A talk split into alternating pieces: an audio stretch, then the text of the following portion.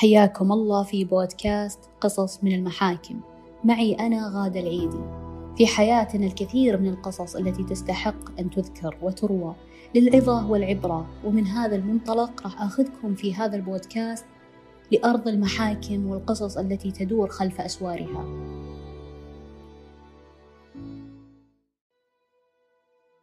في مرحلة ما من حياتنا بنمر في موقف يخلينا يا نشتري أو نبيع. والشراء والبيع هنا المقصود فيه عقار أو سيارة أو مقتنيات وغيرها. لكن أحيانا بمرحلة ما من حياتنا أيضا بنخوض خيار يا نبيع علاقتنا بفلان يا نشتريها بالغالي. قصة قضيتنا اليوم قريبة جدا منك وأكيد إنها مرت عليك أو بتمر عليك. عشان كذا لا تنسى تشاركها مع اللي حولك وأصدقائك. كذلك الحلقات السابقة تشابه قصص حياة من حولك.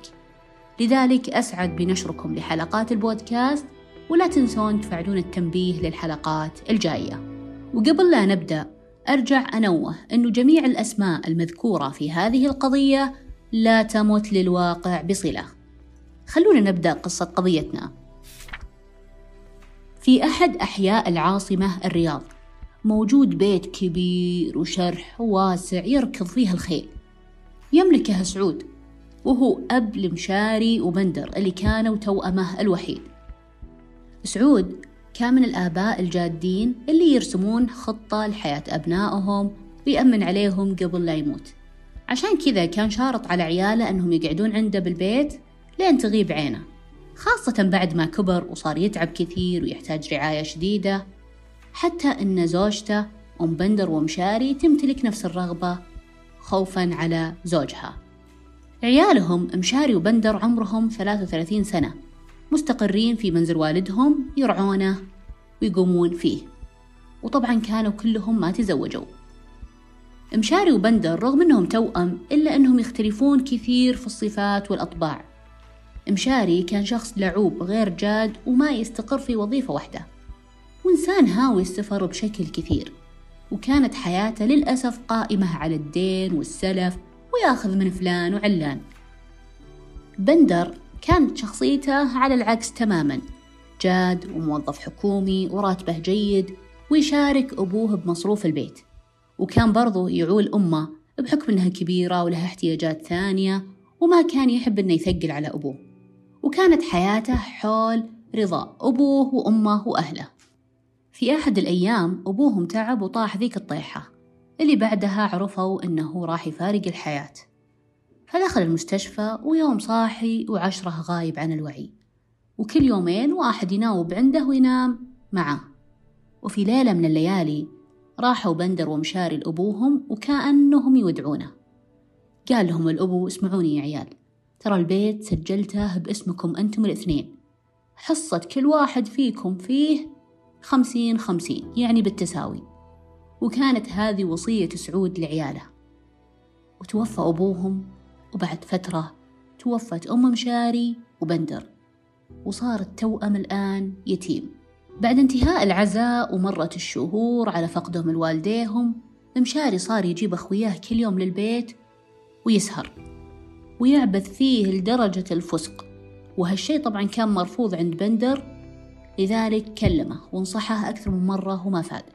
قال له يا أخوي أنت ما تحترم حرمة البيت وما تحترم إن حولنا جيران وما تحترم المكان اللي أنا موجود فيه. وكان مستهتر جدا. آخر شيء بندر قرر أنه يستقر ويتزوج ويفصل حياته عن أخوه ويعيد تأسيس أسرة. لكن فكرة إنه يجيب زوجته للبيت استصعبها لوجود أخوه في البيت. خاصة إنه هو كل يوم سهر وشكاوي جيران ما تخلص ومتأذين من العالم وحالته حالة. بعد التفكير الطويل راح بندر ودخل على أخوه بالمجلس وكان فيه خالة وثلاثة من أصدقاء مشاري. وقدم عرضه وقال اسمعني يا أخوي أنا بتزوج وأستقر بالبيت. وأنت عارف إن مستحيل أهل البنت يرضون أجيبها وأنت موجود هنا وقالب لي الوضع حفلة. فبقدم لك عرض يرضيك بالشرع والقانون. قال له مشاري وش عرضك؟ قال بشتري نصيبك من البيت ويصير البيت ملكي. وانت تاخذ نصيبك وخذ لك شقة أو بيت على قدك لين تستقر. طبعا بحكم عطالة مشاري كان العرض مغري جدا. وقال له ببيع حصتي بثلاثة مليون. قال له بندر أبشر وتم. ووافقوا الاثنين بدون تردد. طبعا بندر استانس إن الموضوع انتهى بالتراضي واتفاق وأنه ما أكل حق اخوه ولا أزعجه. فجهز الإجراءات وجاب شيك وكتب فيه مبلغ الشراء كان ثلاثة مليون. وخلص أموره وأخذ مشاري الشيك وتمت البيعة. بعد كم شهر من البيعة تزوج بندر وجاب زوجته واستقروا في البيت لكنه كان يتواصل مع مشاري عشان وده إنه يفرغ البيت باسمه. وطبعا كل ما تواصل معاه يصرفه. مرة مسافر مرة يقول بكرة. ومرة مالي خلق ومرة مرتبط ومن هذه الأعذار. حس بندر بالخطر وأن أخوه قاعد يماطل فيه عمدا فكان يبغى يحمي حقه فقرر أنه يرفع دعوة ضده. ذكر بدعواه إني شريت من أخوي نصف ملكه من البيت بمبلغ ثلاثة مليون ورفض أن يفرغ نصيبه بالمنزل باسمي. وبعد ما قدمها راحت الدعوة لجلسات بالمحكمة. وفي الجلسة حضر المدعي بندر والمدعى عليه مشاري وقرأ القاضي ادعاءات بندر كاملة وقال له القاضي وش يثبت ادعاءاتك هذه. قدم بندر الشيك اللي موجود عليه توقيع استلام مشاري. نظر القاضي للشيك ثم التفت على مشاري اللي هو المدعى عليه وقال له هذا دليل المدعي. أنت وش ردك عليه؟ أجاب مشاري نعم.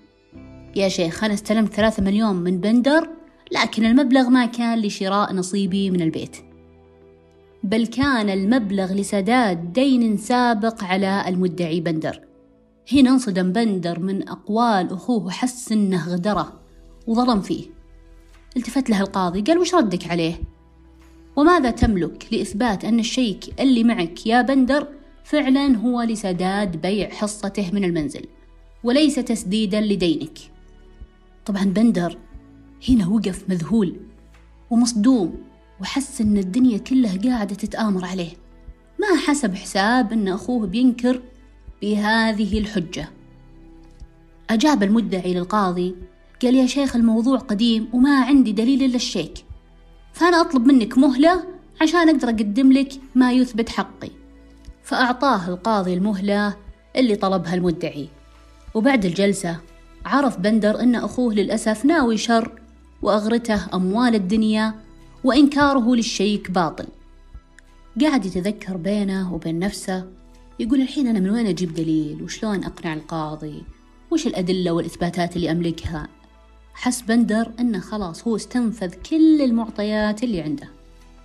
فكلم زوجته وقعد يفضفض لها عن الجلسة. طبعا في نص المكالمة زوجته حاولت تذكره قالت يا أخي غريبة ما كان معاكم أحد يوم أنكم تتفقون؟ أو أنك يوم قدمت لها العرض؟ أو وقعتوا الشيك معقولة كنتوا لحالكم بس؟ هنا تذكر بندر إنه يوم عرض على مشاري شراء نصيبه كانوا بالمجلس ومعاهم خالهم وأصدقاء مشاري. فعلى طول رفع السماعة عليهم وقال لهم الموضوع من ألف إلى ياء. وقال أحتاج أنكم تكونون شهود. طبعا ما ترددوا لإنصاف الحق ومساعدة بندر. وبالجلسة الثانية قدم المدعي شهوده وسمع القاضي شهادتهم. وهنا تبين له إن الشيك الصادر كان مبلغ شراء نصيب مشاري من المنزل. فحكم القاضي بما يلي. إلزام المدعى عليه بإفراغ نصف البيت لأخيه.